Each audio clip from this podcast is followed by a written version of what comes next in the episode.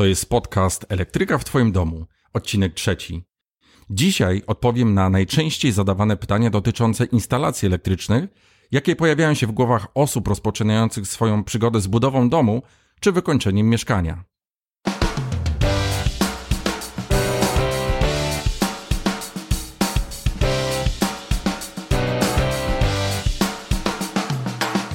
Cześć, dzień dobry. Witam Cię w trzecim odcinku podcastu Elektryka w Twoim domu. Ja nazywam się Paweł Dylewski i w tej audycji przedstawiam proste i praktyczne informacje dotyczące elektryki w Twoim przyszłym domu. Mówię również o tym, jak zaprojektować różne instalacje elektryczne, tak aby służyły Ci przez lata. Opowiadam również o tym, jak rozsądnie wydawać pieniądze i jak odważnie zrealizować swoje marzenie związane z budową domu czy wykończeniem mieszkania. Jeśli chcesz być świadomy tego, co może znaleźć się w Twoim przyszłym domu w zakresie szeroko pojętych instalacji elektrycznych, to ten podcast jest dla Ciebie.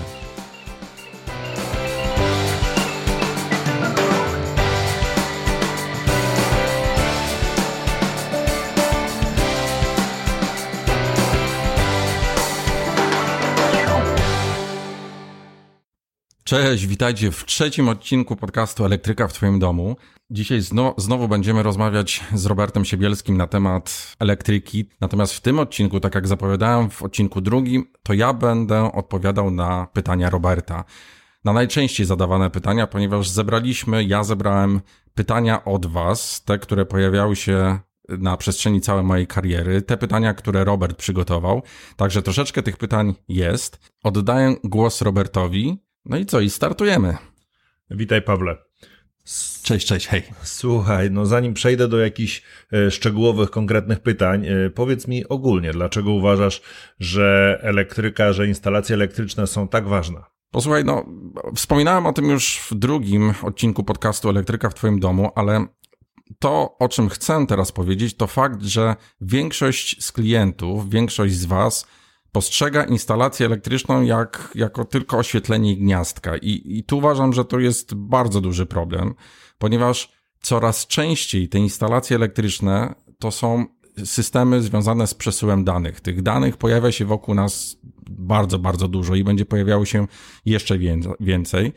Tak jak mówią, walutą dzisiejszych czasów są dane, są informacje i tych informacji jest po prostu bardzo, bardzo dużo. Także to, co chciałbym powiedzieć, to fakt, że instalacje elektryczne to nie tylko oświetlenie i gniazdka.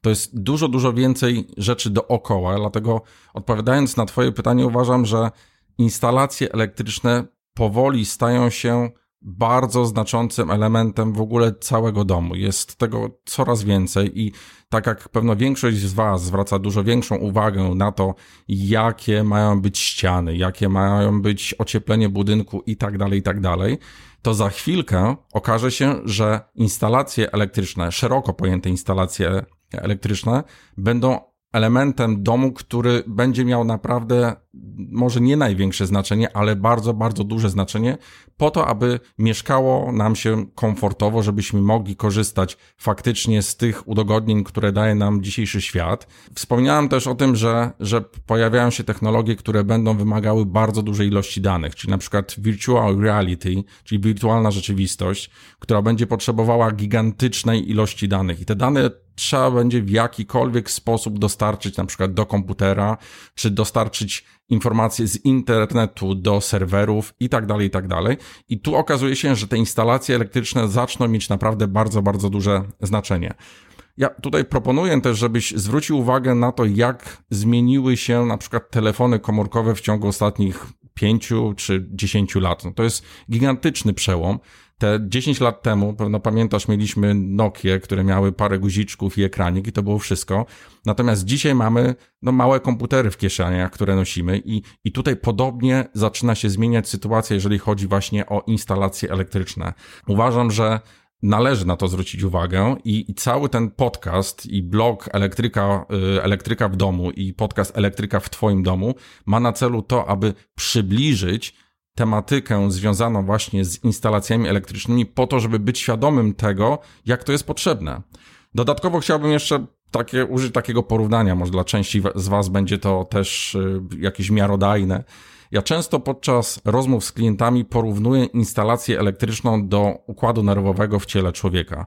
I tutaj zobaczcie, jeżeli mamy jakieś niedowłady, to jesteśmy osobą niepełnosprawną. Jeżeli nasz układ nerwowy nie pracuje tak, jak powinien pracować, to też jesteśmy osobą niepełnosprawną.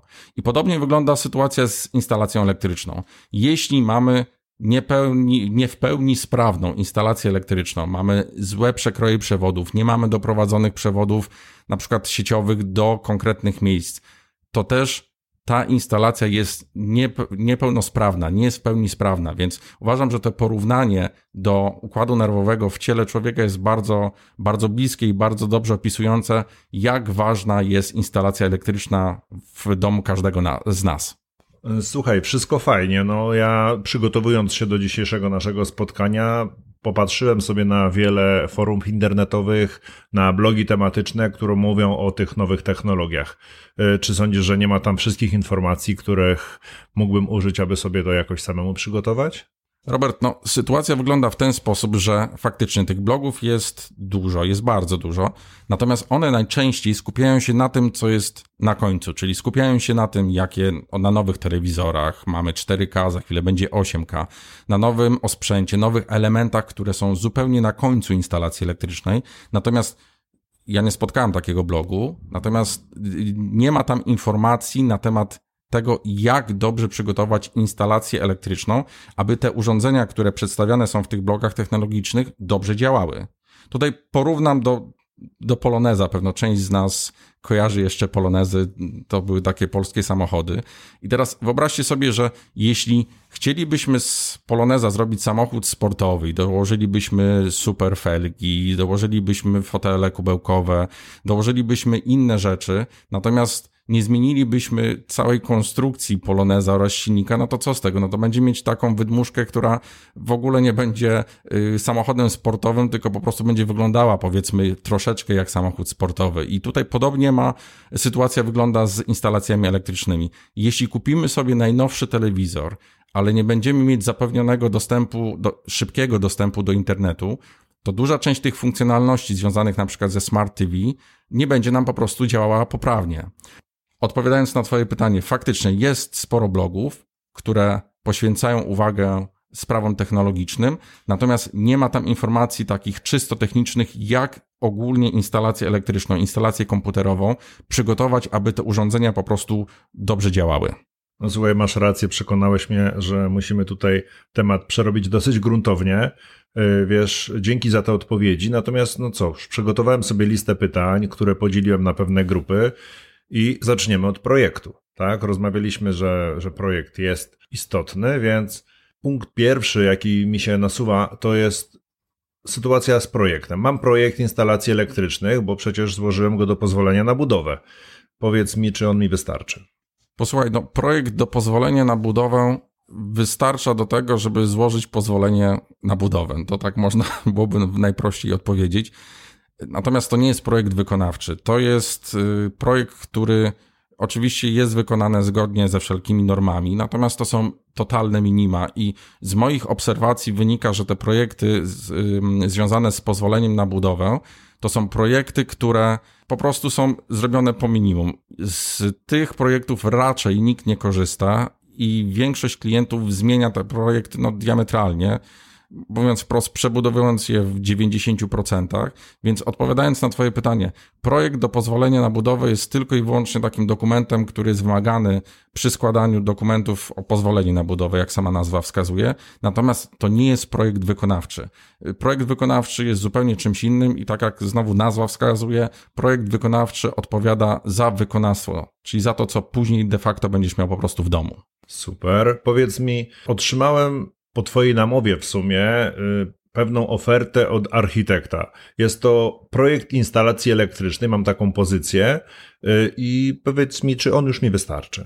Jeśli chodzi o oferty, o projekty instalacji elektrycznych, które są częścią projektów architektonicznych, czy częścią projektów architektury wnętrz, to najczęściej to są projekty, to są bardziej by nazwał szkice. Szkice związane z instalacjami elektrycznymi, które określają lokalizację poszczególnych lamp, lokalizację poszczególnych gniazdek. Czasami określają też lokalizację gniazd tak zwanych teletechnicznych, czyli komputerowych, telewizyjnych. Natomiast ten projekt nic nie mówi, albo najczęściej, w większości przypadków, tak z mojego doświadczenia wynika, nie mówi nic na temat takiego mięsa mięsa technicznego bym to nazwał, czyli spraw związanych z tym, y, jakie przewody należy doprowadzić do oświetlenia, jak podzielić, na jakie obwody je podzielić, jakimi zabezpieczeniami y, się posługiwać, jak ogólnie wygląda system alarmowy i wiele, wiele innych rzeczy. Projekt architektoniczny i ta część związana z elektryką jest idealnym wstępem do tego, żeby przygotowywać taki projekt w pełni elektryczny, projekt wykonawczy instalacji elektrycznych. Najlepiej, jeśli to będzie projekt kompleksowy. Tutaj y, dobrze jest, abyś dopytał y, architekta, jaki jest dokładnie zakres projektu instalacji elektrycznych, tak żeby później się nie okazało, że mówiąc brzydko, budzisz się z ręką w nocniku, bo byłeś przekonany, że ta instalacja, ten projekt instalacji będzie zawierał wszystko, a on tak naprawdę zawiera tylko rozmieszczenie lamp, gniazdek i paru innych elementów, ale nie mówi nic o takich szczegółach technicznych. Faktycznie, w takim razie przejrzę projekt architektoniczny dotyczący instalacji elektrycznych, a powiedz mi, w jaki sposób według Ciebie powinien wyglądać taki prawdziwy czy profesjonalny projekt instalacji elektrycznych?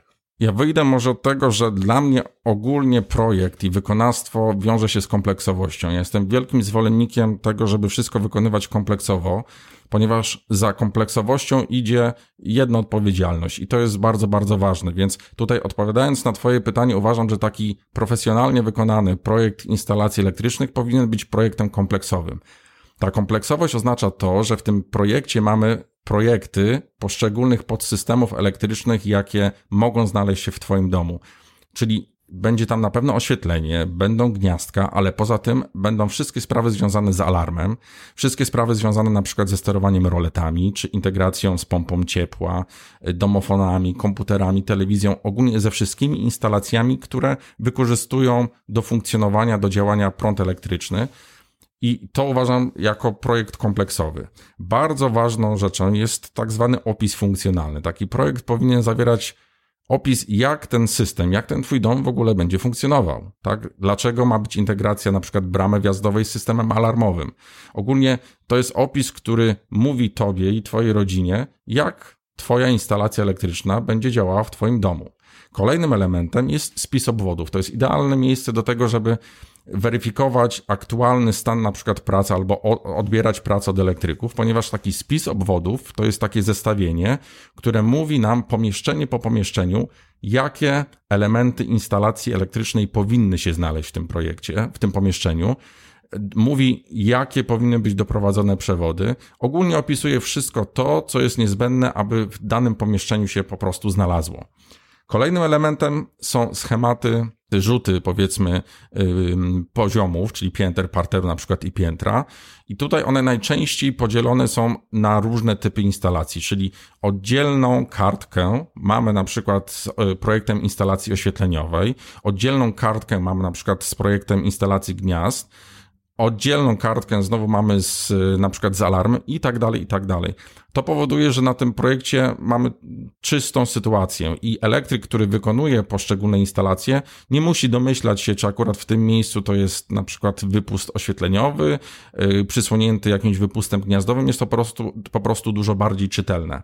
Oczywiście bardzo ważnym elementem są projekty rozdzielni elektrycznej i tutaj na to składają się dwa elementy. To są schematy, w których określona jest właśnie struktura podziału obwodów elektrycznych na poszczególne sekcje.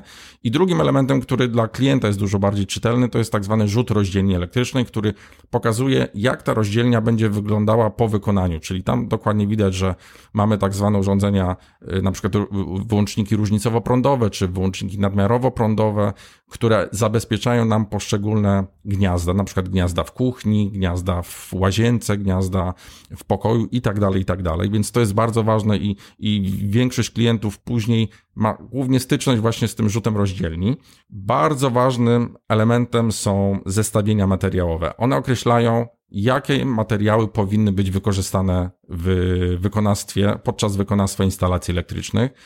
To jest bardzo ważny element, ponieważ on powoduje, że Zresztą wspominałeś o tej, o tej rzeczy w naszym drugim odcinku, gdzie, gdzie miałeś sytuację z, z tymi rurami kanalizacyjnymi, gdzie miałeś dokładnie określoną specyfikację poszczególnych ról i to rur, i to spowodowało, że no, wykonawca musiał wymienić je na takie, jakie były określone właśnie w tej specyfikacji. I tutaj podobnie sytuacja wygląda z instalacjami elektrycznymi. Taki spis materiałów, zestawienie materiałów, które my rekomendujemy, powoduje, że elektryk, który będzie Wam wyceniał taką instalację, będzie musiał po prostu skorzystać z materiałów dobrej jakości. Więc tutaj zachęcam do tego, żeby w takim projekcie od projektanta wymagać właśnie tego, żeby było zestawienie materia materiałowe.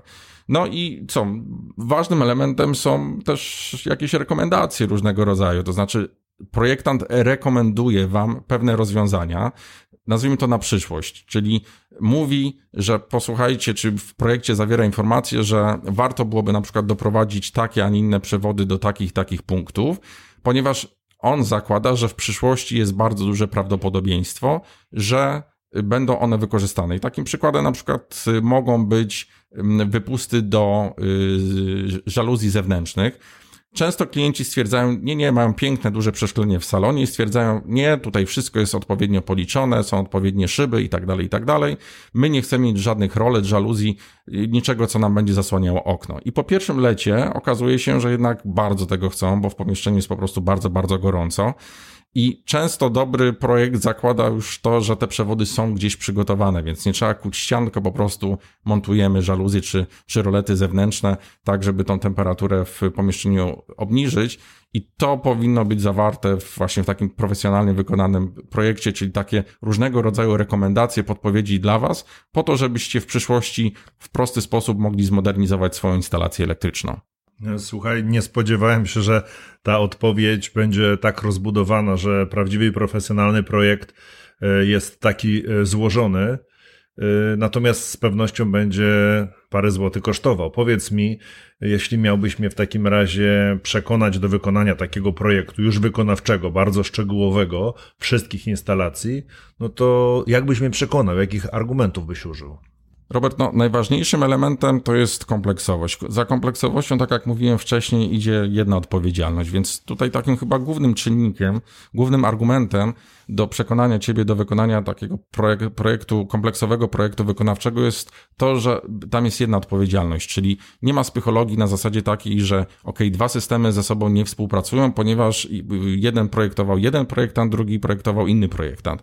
Jeżeli masz to wykonane kompleksowo, to masz, no można powiedzieć, no może nie stuprocentową, ale bardzo, bardzo dużą, duże prawdopodobieństwo tego, że te instalacje po prostu będą ze sobą współpracowały, bo wykonuje to jeden projektant, więc on zakłada, że że jeżeli ma ze sobą współpracować na przykład system e, grzewczy i system e, sterowania budynkiem, to one muszą ze sobą współpracować i on musi przewidzieć, żeby na przykład w rozdzielaczach centralnego ogrzewania wyprowadzić wypusty do sterowania siłownikami na takiej belce zaworowej. To jest powiedzmy jakiś tam przykład.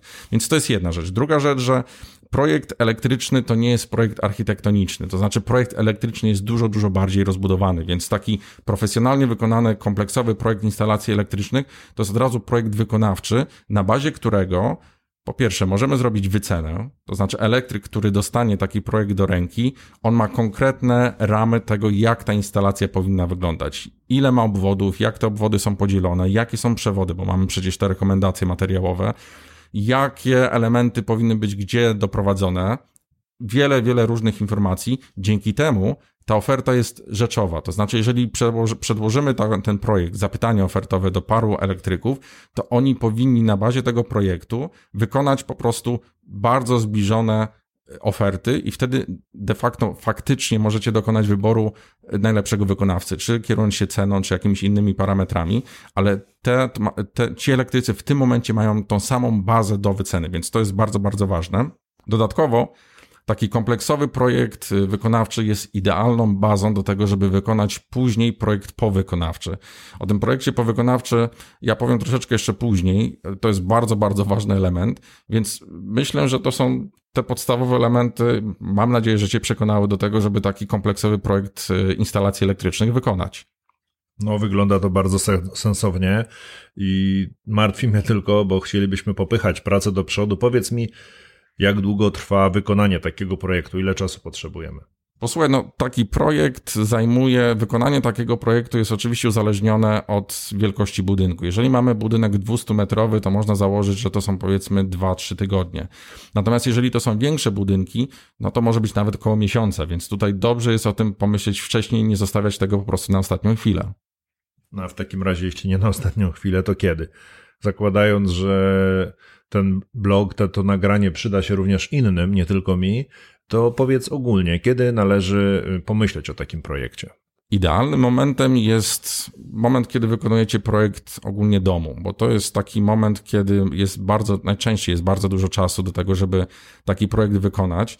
Natomiast ostatnią chwilą, ostatnim momentem, kiedy kiedy należy wykonać projekt instalacji elektrycznych, to są jakieś dwa miesiące przed wykonaniem tynków. To mówiłem w drugim odcinku naszego blogu, naszego podcastu o, o tym właśnie, że o projekcie należy pomyśleć minimum dwa miesiące przed wejściem prac tynkarskich, ponieważ wtedy mamy czas na wykonanie okablowania, czyli wykonanie tych prac wykonawczych oraz wykonanie samego projektu. Więc tutaj dwa miesiące to jest taki minimalny czas, więc jeżeli będziecie ogólnie planować, czy będziesz ogólnie planował wykonanie, insta, wykonanie projektu, to tak wszystko sobie to rozłóż, aby pomyśleć o tym na dwa, minimum dwa miesiące wcześniej yy, niż okres, kiedy będą zgodnie z harmonogramem wchodziły prace związane z synkami. Słuchaj, dzięki naprawdę mega dużo wiedzy. Myślę, że jeśli chodzi o projekt, to wyczerpałeś moje pytania, a moje następne pytanie będzie dotyczyło wyboru elektryka. Może przejdźmy w takim razie do, do tematu związanego z wyborem i powiedz mi, czy mam się kierować przy wyborze takiego elektryka czy brygady? Jak byś to określił? Wiesz co, no, wspominałem o tym, że, że mam przygotowany taki, taki, taką grupę artykułów y, dotyczących 10 najczęściej popełnianych błędów przy wyborze elektryka, więc Tutaj tych elementów jest, jest wiele, a powiem może o paru. Bardzo ważnym elementem to, co powiedziałem wcześniej, jest kompleksowość, czyli szukanie wykonawcy, który wykona dla ciebie kompleksowo wszystkie prace, ponieważ jeżeli będzie to wykonane kompleksowo, to masz bardzo duże prawdopodobieństwo, że ta odpowiedzialność będzie w jednych rękach. Więc jeżeli coś się wydarzy, to będziesz po prostu kierować to tylko i wyłącznie do jednej firmy, do jednej osoby często. I dzięki temu będziesz miał pewność, że, że nie będzie spychologii. Więc tutaj y, szukać firm, szukać elektryka, który będzie mógł wykonać wszystkie instalacje kompleksowo. Oznacza to to, że nie szukamy jednego elektryka, który wykonuje nam na przykład oświetlenie gniazdka, innej ekipy, która wykonuje nam system alarmowy, tylko szukamy kogoś takiego, kto wykona nam to wszystko razem. To jest bardzo, bardzo ważna rzecz. Szukać na pewno firm z historią, czyli popatrzeć albo spytać się, albo poprosić o rekomendacje klientów i, i popatrzeć na firmy, które mają co najmniej kilka lat historii, bo y, Oczywiście zdarzają się momenty, że, że szczególnie na, na latem, kiedy takich pseudofirm powstaje dosyć sporo, no, sytuacja jest taka, że te firmy często szybko też znikają, więc tutaj no, nie ma nic gorszego niż sytuacja taka, kiedy ktoś wykona ci instalację elektryczną, a okaże się, że na przykład za pół roku już tej osoby nie ma, bo wyjechała na przykład no, w tym momencie może nie do Anglii, ale gdzieś w jakimś innym kierunku i nie ma zupełnie supportu. Także firmy z historią, które, które mają zespół, dobrze, jeżeli mają biuro, mają jakiś showroom, można wejść, zobaczyć, jak to wszystko funkcjonuje.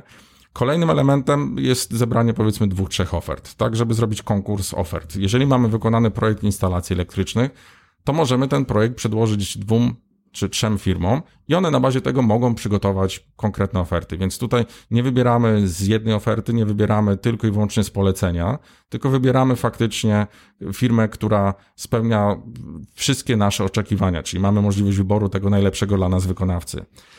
Bardzo ważną rzeczą jest to, żeby dopytać się i poprosić przyszłego wykonawcę, przyszłego elektryka o to, żeby powiedział albo przedstawił listę materiałów, z których po prostu korzysta. Tu jest taki prosty myk. Są przewody zasilające, które za pomocą których wykonuje się instalację oświetleniową i instalację na przykład gniazd wtyczkowych które mają dwa typy izolacji. Jedna izolacja to jest 300-500 V i druga to jest 450-750 V.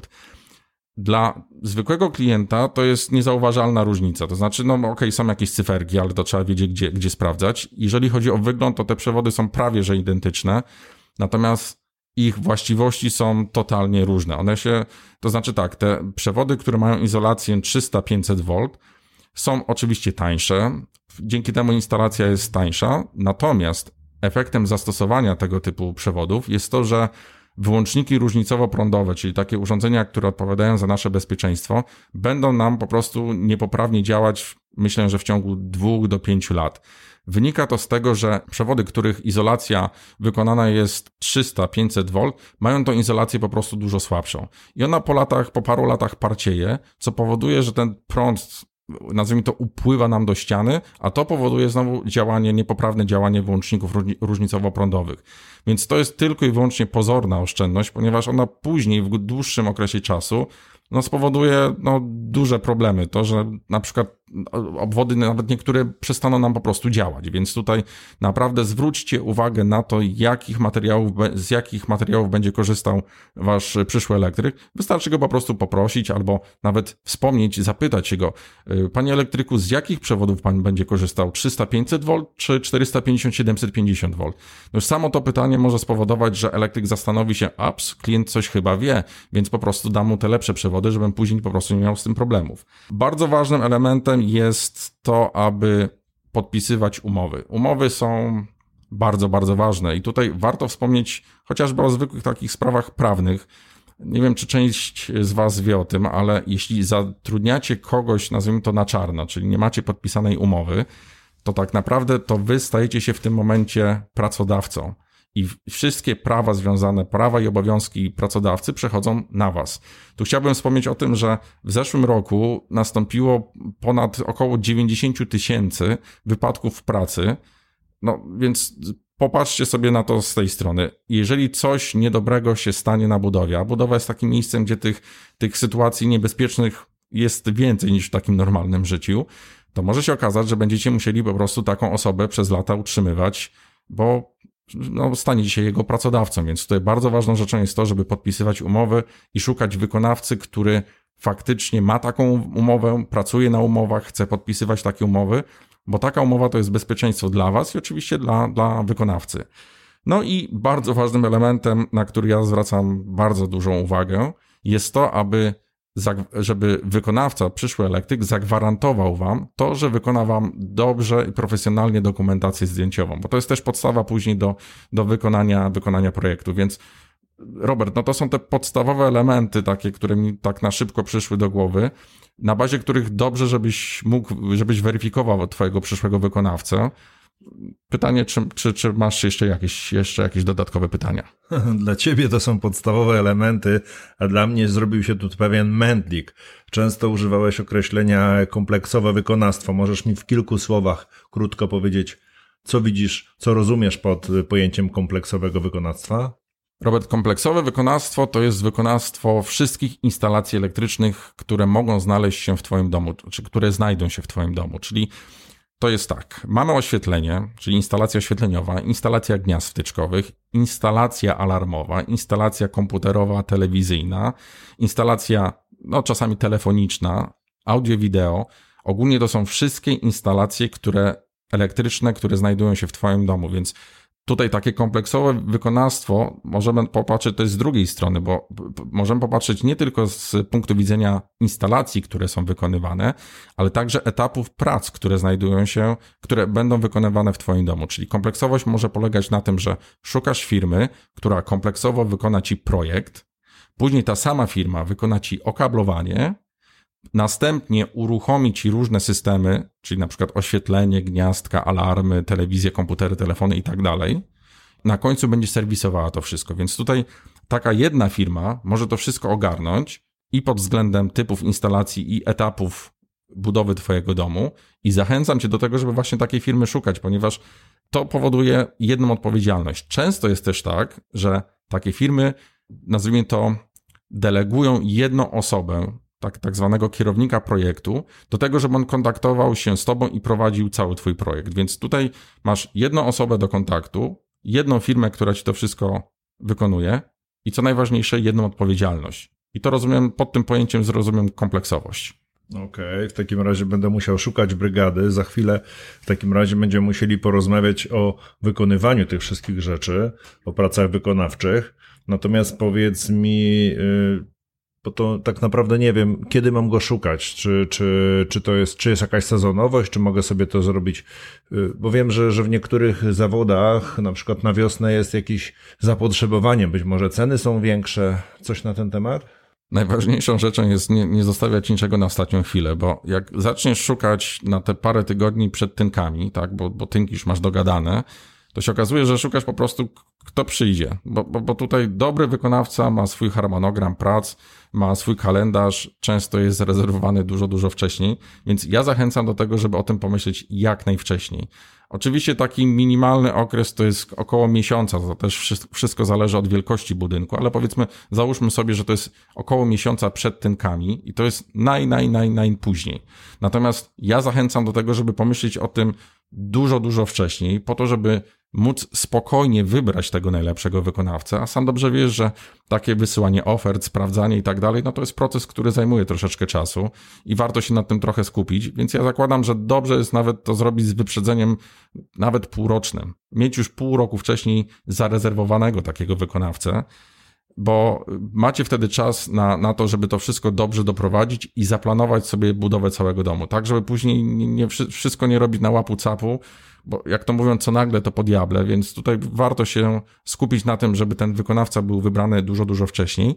Odpowiadając też jeszcze na Twoje drugie pytanie, tak, następuje, jest taka pewna sezonowość, jeżeli chodzi o wykonawstwo instalacji elektrycznych to jest często wiosna i jesień, ponieważ te projekty, które zaczęły się jesienią, czyli zaczęliśmy stawiać stan surowy, one na okres zimy często są, nazwijmy to, zamrażane zimą, jakoś tak się połączyło, y, i na początku wiosny startują dalsze prace wykończeniowe, czyli wtedy właśnie wykonywane są instalacje elektryczne, instalacje sanitarne, tynki i tak dalej, i tak dalej. Natomiast te projekty, które zaczęły się na początku roku, czyli wiosną, ten etap mają przesunięty mniej więcej na początek września, więc tutaj warto zwrócić też uwagę na to, żeby w tych okresach no, mieć już to tego wykonawcę zarezerwowanego, bo się może okazać, że po prostu nie znajdziecie nikogo, kto byłby wartościowy. Możecie znaleźć takie no, osoby, które nie mają pracy, a to najczęściej wynika z tego, że jakość świadczonych przez nich usług jest niska no i spowoduje dużo problemów. Powiedz mi, czy ten etap wykonawczy można podzielić na jakieś części, bo to wiesz, też jest związane pewnie z płatnościami. Ja lubię płacić za wykonane etapy, to pewnie będzie częścią jakiejś umowy, natomiast yy, możesz mi coś powiedzieć, coś składa się na wykonanie w zakresie takich yy, instalacji? Jakie są etapy? Jeśli chodzi o etapy, to takim pierwszym etapem to jest no, to jest, nazwijmy to, to jest ogólny podział, tak? Często jest tak, że w zależności od projektu, od tego, jakie masz elementy instalacji elektrycznych, on może ulegać jakiś, jakiś, jakimś zmianom. Więc podstawowym elementem wykonawstwa instalacji elektrycznych jest okablowanie. I to jest taki podstawowy, podstawowy element. Jeśli mamy wykonane okablowanie, po nim wchodzą tynki, wchodzą pewne prace wykończeniowe, i kolejnym elementem jest wykonanie rozdzielni elektrycznej. To jest bardzo dobry moment na to, żeby taką rozdzielnię wykonać, ponieważ w tym momencie możemy te wszystkie przewody, które schodzą do tego centralnego punktu, w jakiś estetyczny sposób zakończyć, i to jest powiedzmy jedna rzecz, natomiast ważniejsza rzecz jest taka, że te przewody w tym momencie już nie będą ulegały, nie będą podatne na uszkodzenia. To znaczy, jeżeli je schowamy w rozdzielni elektrycznej, podłączymy, to one już można powiedzieć są bezpieczne. Natomiast jeżeli one tak nazwijmy się, nazwijmy, walają się po podłodze, no to jest idealne miejsce do tego, żeby te przewody jakoś przeciąć, uszkodzić, no a to powoduje, że później są jakieś problemy. Więc tak, pierwsze jest okablowanie, następne jest wykonanie rozdzielni elektrycznych, Później jest montaż urządzeń, różnego rodzaju urządzeń. Tu mogą być to lampy, czujniki, gniazdka. I to bardzo często ten, ten, ten montaż urządzeń jest rozłożony w czasie, bo niektóre lampy na przykład wymagają zamontowania na etapie prac wykończeniowych związanych na przykład z gipskartonem, czyli z budową jakichś sufitów podwieszanych, ścianek i tego typu rzeczy, a inne elementy typu montaż gniazdek najczęściej wykonuje się po pierwszym malowaniu, więc to jest dosłownie na parę tygodni przed tym, jak e, wprowadzicie się do, do swojego domu. No i ostatnim elementem to jest konfiguracja tych, tych wszystkich systemów, czyli jak już to wszystko mamy pomontowane, to konfigurujemy system alarmowy, konfigurujemy system na przykład inteligentnego domu, czy inne elementy konfiguracji na przykład sieci komputerowej, czy, czy dekoderów telewizji satelitarnej. To jest ostatni moment i on bardzo często jest wykonywany już nawet w momencie, kiedy wy już mieszkacie, więc to jest taki podstawowy podział. E, słuchaj, wspomniałeś, że pierwszym elementem jest y, okablowanie. W takim razie, e, kiedy wykonujemy te okablowanie? No taką najważniejszą rzeczą jest to, że na pewno przed tynkami. To jest ten pierwszy element. Musimy wykonać okablowanie przed tynkami.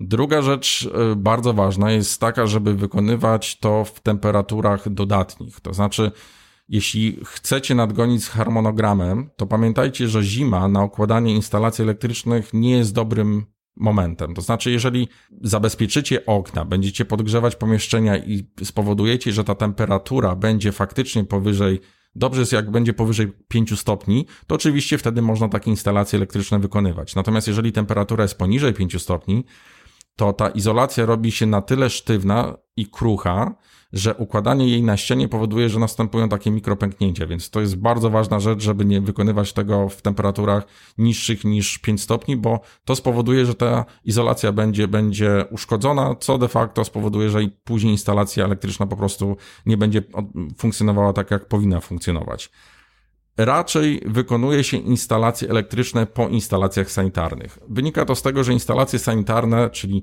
y, ogrzewanie, kanalizacja, ogólnie mm, wentylacja na przykład też, wymagają dużo większych przekrojów rur czy jakichś kanałów. Ogólnie nie da się tego w łatwy sposób przestawić.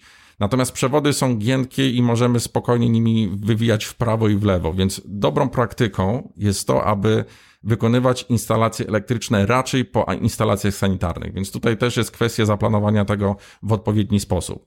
No i co? No, bardzo ważną rzeczą jest to, żeby y, zrobić jakoś w jakikolwiek sposób zabezpieczyć tą instalację, która już jest położona na ścianie. I tu są dwie drogi. Pierwsza droga to jest taka, żeby po prostu zamontować okna, ale to czasami jest technologicznie niemożliwe, bo okna są, nie wiem, drewniane, na przykład później robimy tynki, jest dużo wilgoci i tak dalej, i tak dalej, więc to trzeba po prostu z kierownikiem budowy dokładnie i najczęściej z producentem okien uzgodnić, czy można to zrobić na tym etapie. Jedna rzecz to jest zabezpieczenie budynku, żeby nikt nie wszedł do środka i nam po prostu tych kabli nie ukradł.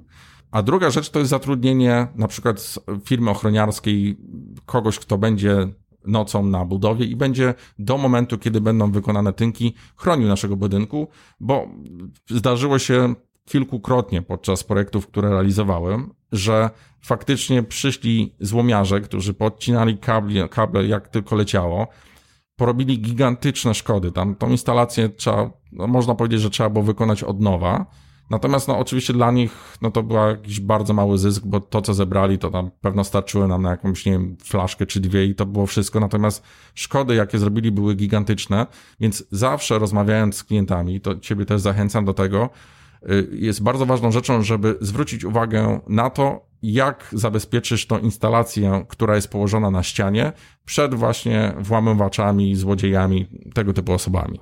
Wow, to trochę mnie zmartwiłeś. W takim razie trzeba będzie się spieszyć, bo też koszty ochrony budynku to, to też jakieś koszty, szczególnie na etapie budowy, gdy jeszcze z niego tak w praktyce nie korzystamy. Yy, powiedz mi, ile to wszystko będzie trwało, tak? No bo musimy to zgrać z innymi ekipami. Powiedziałeś, że jedne wcześniej. Ile, ile zajmie to brygadzie elektrycznej? Wspominałem o tym wcześniej i to jest od dwóch do sześciu tygodni. To wszystko oczywiście uzależnione jest od wielkości budynku, bo jeżeli dom czy mieszkanie jest małe, no to taka ekipa, tak jak zresztą wspominałeś, ona nawet w ciągu paru dni może się z tym uwinąć w przypadku mieszkań. Natomiast jeżeli mówimy o domu 200-metrowym, to trzeba liczyć, że to są minimum dwa tygodnie. Raczej to bym powiedział, że to są około trzech tygodni. Oczywiście mówię o wykonaniu wszystkich instalacji elektrycznych, jakie, jakie znajdują się w domu, więc dobrze jest o tym pomyśleć dużo, dużo wcześniej. Dobrze jest mieć też podpisaną umowę z wykonawcą po to, żeby nie okazało się później, czyli chwilę przed tym, że, że elektryk na przykład ma, ma wejść z wykonawcą, że on jednak zrezygnował, bo kogoś ma bardziej intratną pracę i, i woli to zrobić po prostu u kogoś innego. Więc tutaj dobrze pamiętać o tym, żeby zrobić to wszystko, znaczy wybrać tego elektryka dużo, dużo wcześniej, dogadać się z nim, najlepiej też podpisać umowę, i no to chyba są wszystkie, czyli nie wiem, dwa, sześć tygodni to jest taki okres uśredniony, bym powiedział. Natomiast no dobrze spytać się konkretnie elektryka, ile jemu zajmie czasu wykonanie takiej instalacji elektrycznej, więc żeby znaleźć tego elektryka, no musimy o tym pomyśleć dużo, dużo wcześniej. Mm, słuchaj, powiedziałeś, że zajmie to parę dni czy parę tygodni. Natomiast gdy mamy tą e, instalację zrobioną, rozumiem, naciskałeś, że byłoby to przed tynkami, żeby to było tak zrobione. Więc mamy tynki i, i co dalej? Jeszcze w poprzednim blogu wspomniałeś jeszcze ważną rzecz, że, że taka instalacja powinna być sprawdzona. Czy ci ludzie od tynków mi jej nie uszkodzą? Wiesz, powiedz coś na ten temat. Robert, no, bardzo ważną rzeczą jest to, żeby przed tymi tynkami zrobić tą dokumentację zdjęciową, tak? O tym wspominaliśmy w odcinku drugim, też wspominałem w odcinku trzecim, o tym, że ta dokumentacja zdjęciowa, wybór ekipy, która wykonuje taką dokumentację zdjęciową jest po prostu bardzo, bardzo ważny, więc przed tynkami należy zrobić dokładną, bardzo szczegółową dokumentację zdjęciową Twojej instalacji, Wspominałeś o tym, że tobie to też uratowało, yy, uratowało sytuację związaną z tym, że nie musiałeś przekuwać pół domu, żeby dostać się do jakiegoś przewodu. Więc dokumentacja zdjęciowa jest bardzo, bardzo ważna przed wykonaniem tynków. Więc tutaj podkreślam to jeszcze, będę, pewno będę podkreślał jeszcze wielokrotnie, że dokumentacja zdjęciowa wbrew pozorom jest bardzo, bardzo ważnym elementem. Więc tutaj Odpowiadając na Twoje pytanie, tak, przed tynkami musimy zrobić, wykona, wy, wykonać dokumentację zdjęciową i odebrać instalację. Natomiast po tynkach wykonujemy rozdzielnię elektryczną. Wszystkie te przewody, które zbiegają się do jednego punktu często, przewody elektryczne, teletechniczne, czyli komputerowe, jakieś skrętki, dobrze jest zabezpieczyć. I o tym wspomniałem też wcześniej. I to jest element, który może zająć powiedzmy około jakiegoś tygodnia, półtora, w zależności od wielkości instalacji. Więc wykonanie rozdzielni elektrycznej to powiem szczerze, powinien być pierwszy krok po tynkach. Po to, żeby te przewody, które są brudne, bo przecież były wykonywane tynki idealnie podłączone, to znaczy, żeby te opisy, które znajdują się na przewodach, były jeszcze na tyle czytelne, żeby można było je po prostu w prosty sposób podłączyć.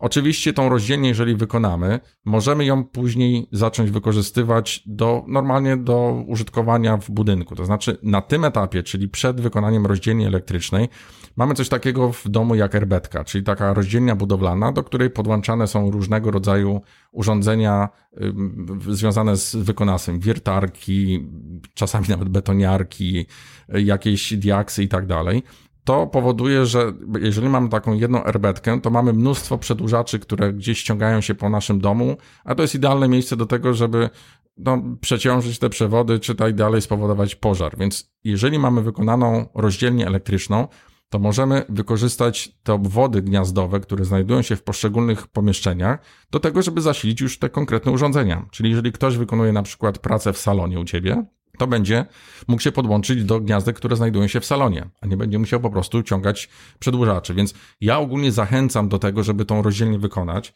żeby zrobić to na etapie zaraz po tynkach, ponieważ z tej rozdzielni będziemy mogli korzystać. Bardzo ważną rzeczą jest to, żeby tą rozdzielnię zabezpieczyć odpowiednio. To znaczy, żeby ją okleić folią, żeby spowodować, żeby ten pył, który jest na etapie na przykład docierania ścian, no, nie wpadał nam do tej rozdzielni, bo spowoduje to, znaczy, może to doprowadzić do uszkodzenia, do uszkodzenia y, urządzeń i późniejszej ich wymiany, więc tutaj warto jest to, to zabezpieczyć.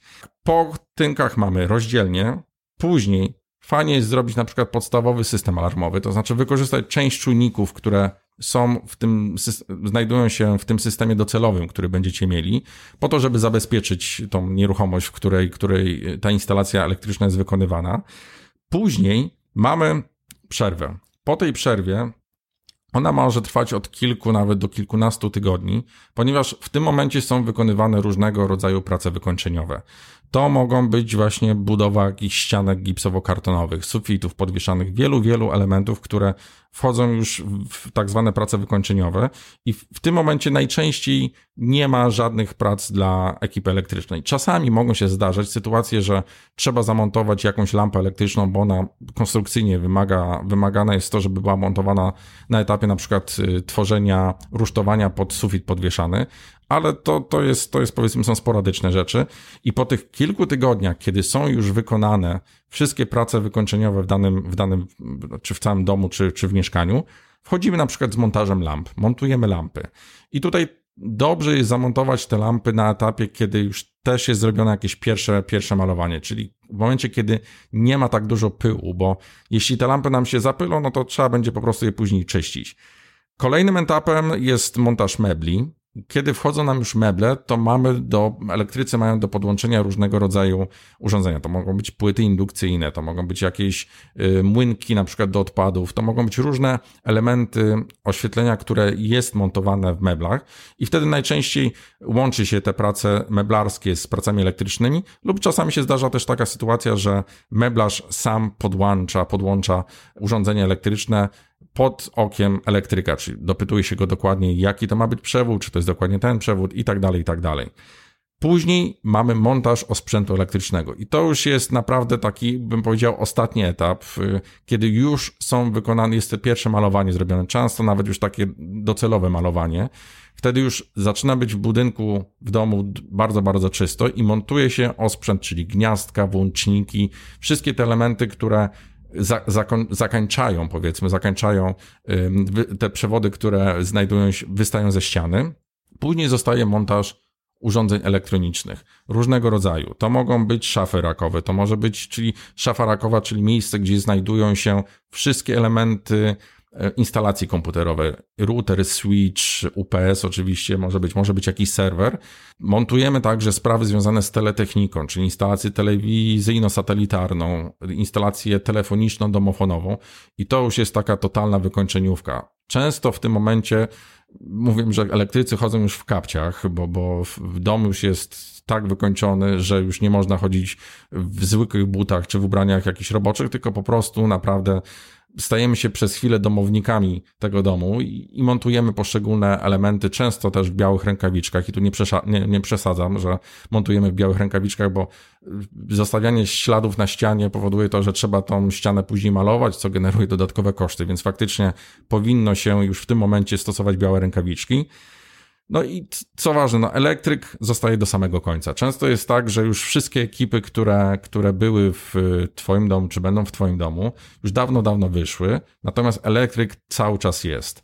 Kiedy już mieszkacie w domu, to elektryk przez jakiś czas przebywa z wami, to może być nawet kilka tygodni, do momentu, kiedy uda mu się skonfigurować wszystkie funkcje, których wymagacie, ponieważ te systemy już, większość systemów elektrycznych jest taka, że jest konfigurowana pod konkretne potrzeby domowników. Elektryk w tym momencie zbiera informacje, jakie, jakie potrzeby są ze strony użytkowników i pod te konkretne informacje, pod te konkretne wymagania programuje system tak, aby, aby zapewnić funkcjonalność, której wymaga klient. Więc tak ogólnie wygląda cały ten proces związany z pracami po tynkach. Uświadomiłeś mnie, że elektryk to bardzo ważna osoba e, w moim e, domu, bo muszę z nim żyć od procesu e, przed tynkowaniem do, że tak powiem, okresu, w którym chodzi w białych rękawiczkach, czyli poznaje już mój dom jako wykończony. Fajnie, długi okres z elektrykami na, na, na, mojej budowie. Wiem, że są jakieś okresy przerwy, o których mnie uświadomiłeś, gdzie, gdzie wchodzą inne brygady. Wszystko zostało wykonane i co dalej?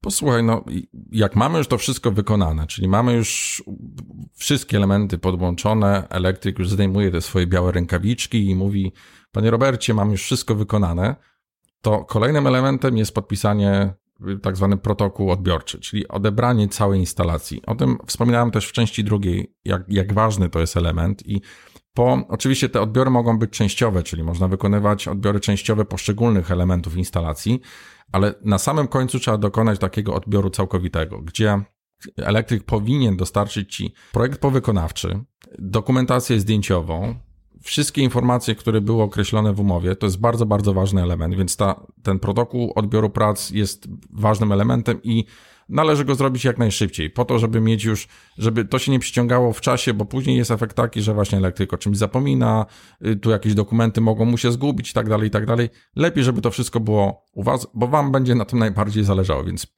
po skończeniu wszystkich prac następuje odbiór prac i tutaj dokumentem, bardzo ważnym dokumentem jest właśnie protokół odbioru. No i dalej konfiguracja systemów. Jeżeli Często tutaj akurat ja często proponuję w ten sposób, że y, zachęcam klienta, żeby pofunkcjonował w tym swoim nowym domu na przykład miesiąc, spisywał wszelkie uwagi, które są i po miesiącu spotkamy się jeszcze raz i wszystkie te uwagi, które on zdefiniował podczas użytkowania systemu, wprowadzimy do niego do domu. To oczywiście dotyczy się w dużej części tak, systemu tak zwanych inteligentnego domu, bo tam mamy takie możliwości, żeby to wszystko przekonfigurować, ale to także może dotyczyć systemów alarmowych, czyli systemów telewizyjnych, czyli telewizji satelitarnej, Y, systemów komputerowych, ogólnie wszystkich instalacji elektrycznych, które znajdują się w domu. Więc tutaj ta konfiguracja to jest taki, bym powiedział, proces dosyć długotrwały, ale spowodowany jest on tym, że to klient określa zmiany, jakie chciałby wprowadzić. Więc tutaj te konfigurowanie systemu jest naturalnym procesem i tutaj często klienci zadają pytanie, ok, kiedy to się w ogóle skończy? Technika idzie tak do przodu, że stety, niestety, ale ta konfiguracja systemów różnego rodzaju, które znajdują się w domu, będzie notoryczna. To znaczy, trzeba będzie co chwila robić jakieś upgrade'y, żeby ten system nadążał nad y, zmieniającymi się specyfikacjami te technicznymi, nad całą sytuacją, jaka jest wokół nas, jest szybszy internet, nowe funkcjonalności, więc co trzeba zrobić? Trzeba zupgrade'ować system. Więc tutaj te, te upgrade'y, te, te rekonfiguracje systemu są elementami, które można powiedzieć, no będą się, co, będą się coraz częściej pojawiały w życiu każdego z nas. Co jeszcze? No, pliki konfiguracyjne są bardzo ważnym elementem, szczególnie w przypadku systemów inteligentnego domu, to jest taka nasza, taki powiedzmy, dysk zapasowy, o tak może to nazwał, że to jest element, który powoduje, że jeżeli z jakichś powodów nie będziecie chcieli na przykład współpracować z firmą elektryczną, albo firma elektryczna z jakichś powodów po prostu zniknie z rynku, to takie pliki konfiguracyjne pozwalają Wam na to, że jeżeli zaprosicie do współpracy innego wykonawcę, to na bazie tych plików będzie po prostu mógł dalej konfigurować Was system. Nie będzie musiał tego robić często od nowa, więc tutaj to jest bardzo, bardzo ważny element. A należy no, bardzo zwrócić uwagę na to, żeby pamiętać o tym w przypadku systemów inteligentnego domu, gdzie te pliki konfiguracyjne są bardzo, bardzo ważne. No i projekt powykonawczy. O nim wspominałem wielokrotnie, ale powiem jeszcze raz, że taki projekt powykonawczy to jest czarna skrzynka waszego domu. To jest coś, co musicie mieć, bo to jest jedyne miejsce, gdzie są wszelkie informacje na temat tego, jak instalacja elektryczna wygląda w waszym domu, jak została wykonana, jakie są podziały obwodów, jaka jest struktura funkcjonalności. Wiele, wiele różnych elementów, które w przyszłości mogą się okazać niezastąpione, jeśli okaże się, że chcecie na przykład rozbudować system, albo jeżeli, jeżeli będziecie chcieli coś naprawić, bo coś się popsuło. Taki projekt powykonawczy jest po prostu bardzo, bardzo ważnym elementem, więc myślę, że, że to są te, te elementy, Robert, no, o których trzeba pamiętać, jak już wprowadzicie się do domu i chcecie zakończyć etap związany z wykonawstwem instalacji elektrycznych. Słuchaj, no troszkę mnie przeraziłeś, przyznam, bo o ile y, pierwsze Twoje wypowiedzi, czyli pomoc w wykonaniu projektu, jest to oczywiste. Jeśli chodzi o wybór elektryka, dostaliśmy niezbędną wiedzę. E, potem wykonawstwo, musimy też się do tego odpowiednio przygotować. Natomiast wychodzi na to, że mam wszystko zrobione, e, wprowadzam się do swojego domu i tak mnie to troszkę niepokoi. Wygląda na to, że są jeszcze jakieś rzeczy, o których muszę pamiętać, więc e, powiedz mi, na co należy zwrócić uwagę, wprowadzając się do swojego domu i o jakich instalacjach i w jaki sposób muszę w jakiś sposób pamiętać, bo wygląda na to, że nie jest to koniec przygody z elektryką. Elektryka jest elementem, który będzie coraz taka szeroko pojęta elektryka, jest elementem, który będzie coraz częściej obecny w naszym życiu. Tutaj jeszcze raz podkreślę, elektryka to nie tylko oświetlenie gniazdka. Tutaj mam na myśli wszystkie instalacje teletechniczne, sieci komputerowe, inteligentny dom. To są elementy, które stają się coraz bardziej powszechne w, w naszych domach. Więc tą styczność z elektryką będziemy mieć bardzo, bardzo dużo, a to powoduje, że dobrze jest mieć podpisaną jakąś umowę serwisową z wykonawcą. Po to, żebyśmy właśnie mieli tą pewność, że jeżeli coś niedobrego się wydarzy po okresie gwarancyjnym, to żeby wiadomo było do kogo zadzwonić, żeby jasno mieć określone ramy czasowe, w których ten elektryk ma zareagować, naprawić rzeczy i tak dalej, i tak dalej. Więc tutaj bardzo dobrym elementem jest podpisanie, bardzo dobrą praktyką jest podpisanie takiej umowy serwisowej. I w przypadku instalacji sanitarnych, gdzie no, głównie grzewczych, gdzie mamy na przykład coroczne czy dwuletnie powiedzmy takie serwisy kotłów, to podobnie w przypadku instalacji elektrycznych będzie mieć podobną sytuację. To znaczy, w przypadku kotłów jest to dla nas już normalne, no bo to odpowiada za nasz komfort. Zimą, jeżeli mamy sytuację, że nam przestaje taki kocioł grzać, no to jest to dla nas bardzo duży dyskomfort, więc zależy nam na tym, żeby taka sytuacja nie nastąpiła. Więc przyzwyczailiśmy się do tego, żeby takie umowy serwisowe podpisywać. I za chwilkę podobna sytuacja będzie w przypadku instalacji elektrycznych, bo tych systemów będzie coraz więcej, więc po prostu będziemy chcieli mieć pewność, gwarancję, że jeżeli coś się niedobrego wydarzy, to po prostu dzwonimy do konkretnej osoby, wzywamy serwis, serwis przyjeżdża, to naprawia, a najlepiej, żeby robił prewencyjne przeglądy serwisowe, tak żeby ta sytuacja y, taka nie, nie, nieprzyjazna, związana z tym, że coś nam przestało działać, po prostu nie nastąpiła. Drugą rzeczą jest to, że dzisiejszy elektryk to bardziej integrator. I to będzie się jeszcze bardziej zmieniało. To znaczy, coraz więcej systemów elektrycznych, systemów takich multimedialnych będzie wymagało tego, żeby ten integrator pojawił się u nas w domu, po to, żeby zintegrować nowe funkcjonalności. Kupiliśmy nowy telewizor, chcemy wykorzystać w pełni jego funkcjonalność, no to dobrze jest wezwać kogoś, kto się na tym po prostu zna. Jeżeli mamy jakieś dodatkowe elementy, na przykład stwierdzimy, że chcemy zamontować czujniki wilgotności, bo mamy małe dzieci i zależy nam na tym, żeby ta jakość powietrza, wilgotność w pomieszczeniu, szczególnie zimą, była odpowiednio wysoka i chcemy to zintegrować na przykład z systemem grzewczym, czy z systemem, który powoduje, że nam nawilżacze automatycznie zaczynają działać, no to dobrze wezwać właśnie takiego integratora, który to zrobi po prostu dużo, dużo szybciej, często da Wam dodatkowe datobie, dodatkowe funkcjonalności, ponieważ on już takich systemów uruchomił wiele i może to zrobić po pierwsze szybciej, dzięki temu taniej, bo przy, przecież Twój czas to też są pieniądze, a dodatkowo często zaproponować Ci funkcjonalności, o których albo musiałbyś się dużo, długo uczyć, e, a dla niego są już no, oczywiste, czyli dać tą wartość dodaną. Więc tutaj taka umowa serwisowa jest bardzo, bardzo ważna. I to chyba są wszystkie rzeczy takie, które, które, o których należy pamiętać, kiedy już mieszkasz w domu, kiedy już funkcjonujesz i które są związane z instalacjami elektrycznymi. Bardzo ważnym, jeszcze jedna rzecz mi przyszła do głowy, bardzo ważnym elementem są pomiary instalacji elektrycznych. One zgodnie z polskimi przepisami powinny być wykonywane co 5 lat i to są takie pomiary związane z tak zwanym prądem zwarciowym. I to jest wymagane i o tym dobrze jest pamiętać, ale dobrze jest to zrobić wcześniej, to znaczy zrobić taki ogólny przegląd instalacji elektrycznej. Zobaczyć, czy coś się nie przegrzewa, czy jakieś włączniki różnicowo-prądowe, czyli tak zwane różnicówki nam nie strzelają. Ogólnie robić taką weryfikację raz do roku, bo to spowoduje, że ten system będzie po prostu nam funkcjonował dużo, dużo lepiej, dużo sprawniej i nie będzie w przyszłości problemów z nim.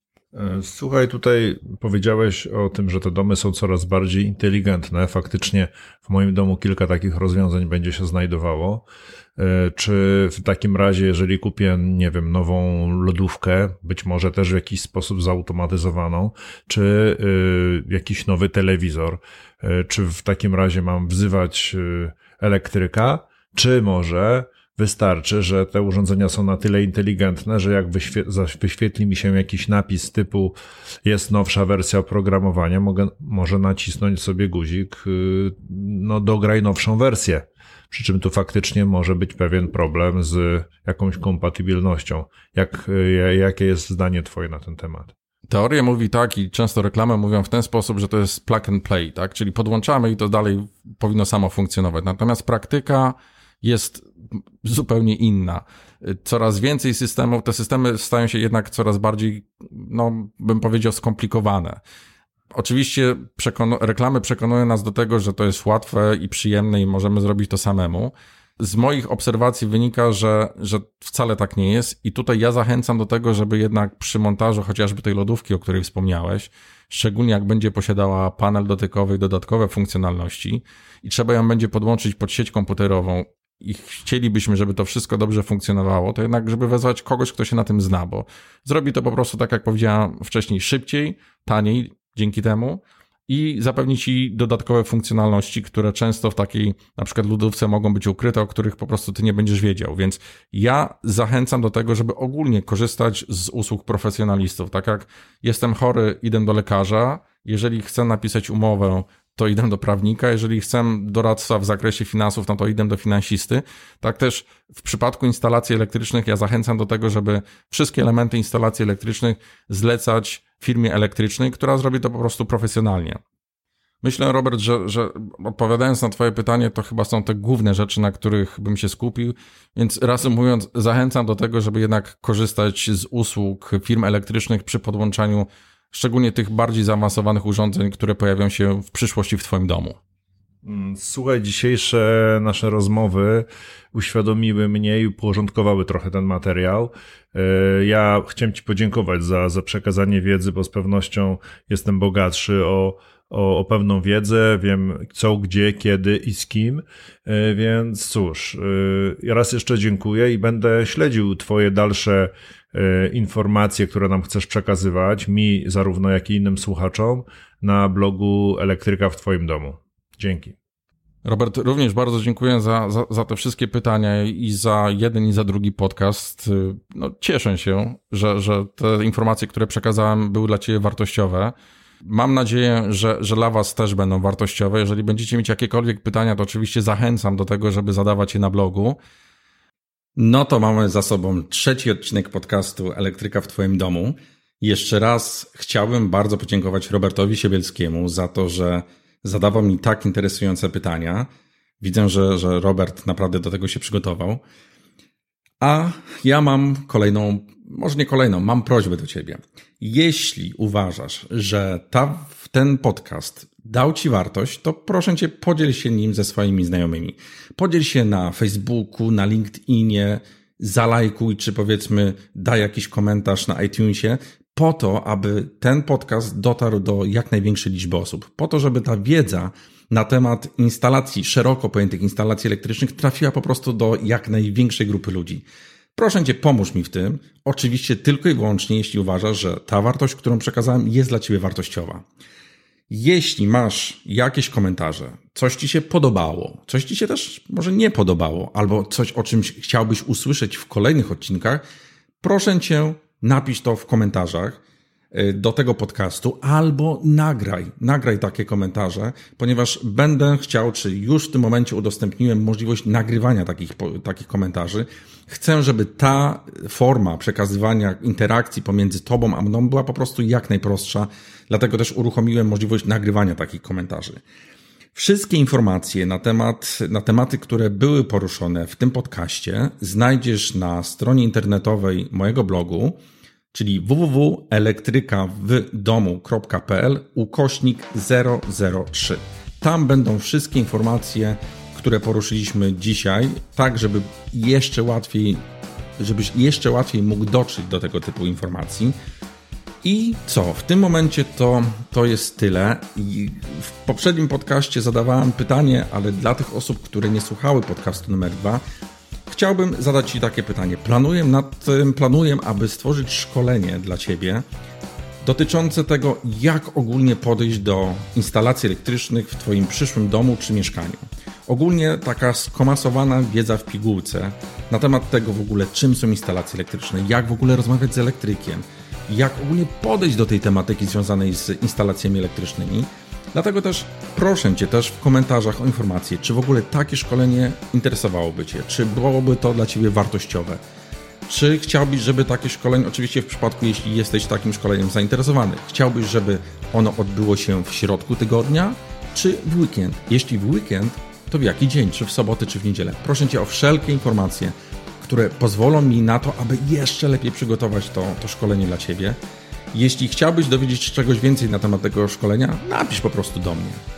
A tymczasem ja dziękuję za ten trzeci podcast. Chciałbym Cię w tym momencie zaprosić na odcinek czwarty. A odcinek czwarty będzie dotyczył systemów alarmowych, ponieważ zauważyłem, że ty jako klient, ogólnie większość klientów bardzo interesuje się swoim bezpieczeństwem, jest to coś normalnego. Dlatego też postanowiłem, że czwarty odcinek będzie dotyczył systemów alarmowych, a dokładnie będę opowiadał o tym, jakiego typu systemy alarmowe dostępne są ogólnie na rynku. Podzielę to na systemy zewnętrzne, wewnętrzne i tak zwane obrysowe, plus dodatkowo monitoring wizyjny, więc tego dowiesz się w czwartym odcinku podcastu Elektryka w Twoim domu. Ja Cię bardzo serdecznie zapraszam, a tymczasem do zobaczenia, do usłyszenia i co? Widzimy albo słyszymy się w odcinku numer 4. Cześć, trzymaj się, pa!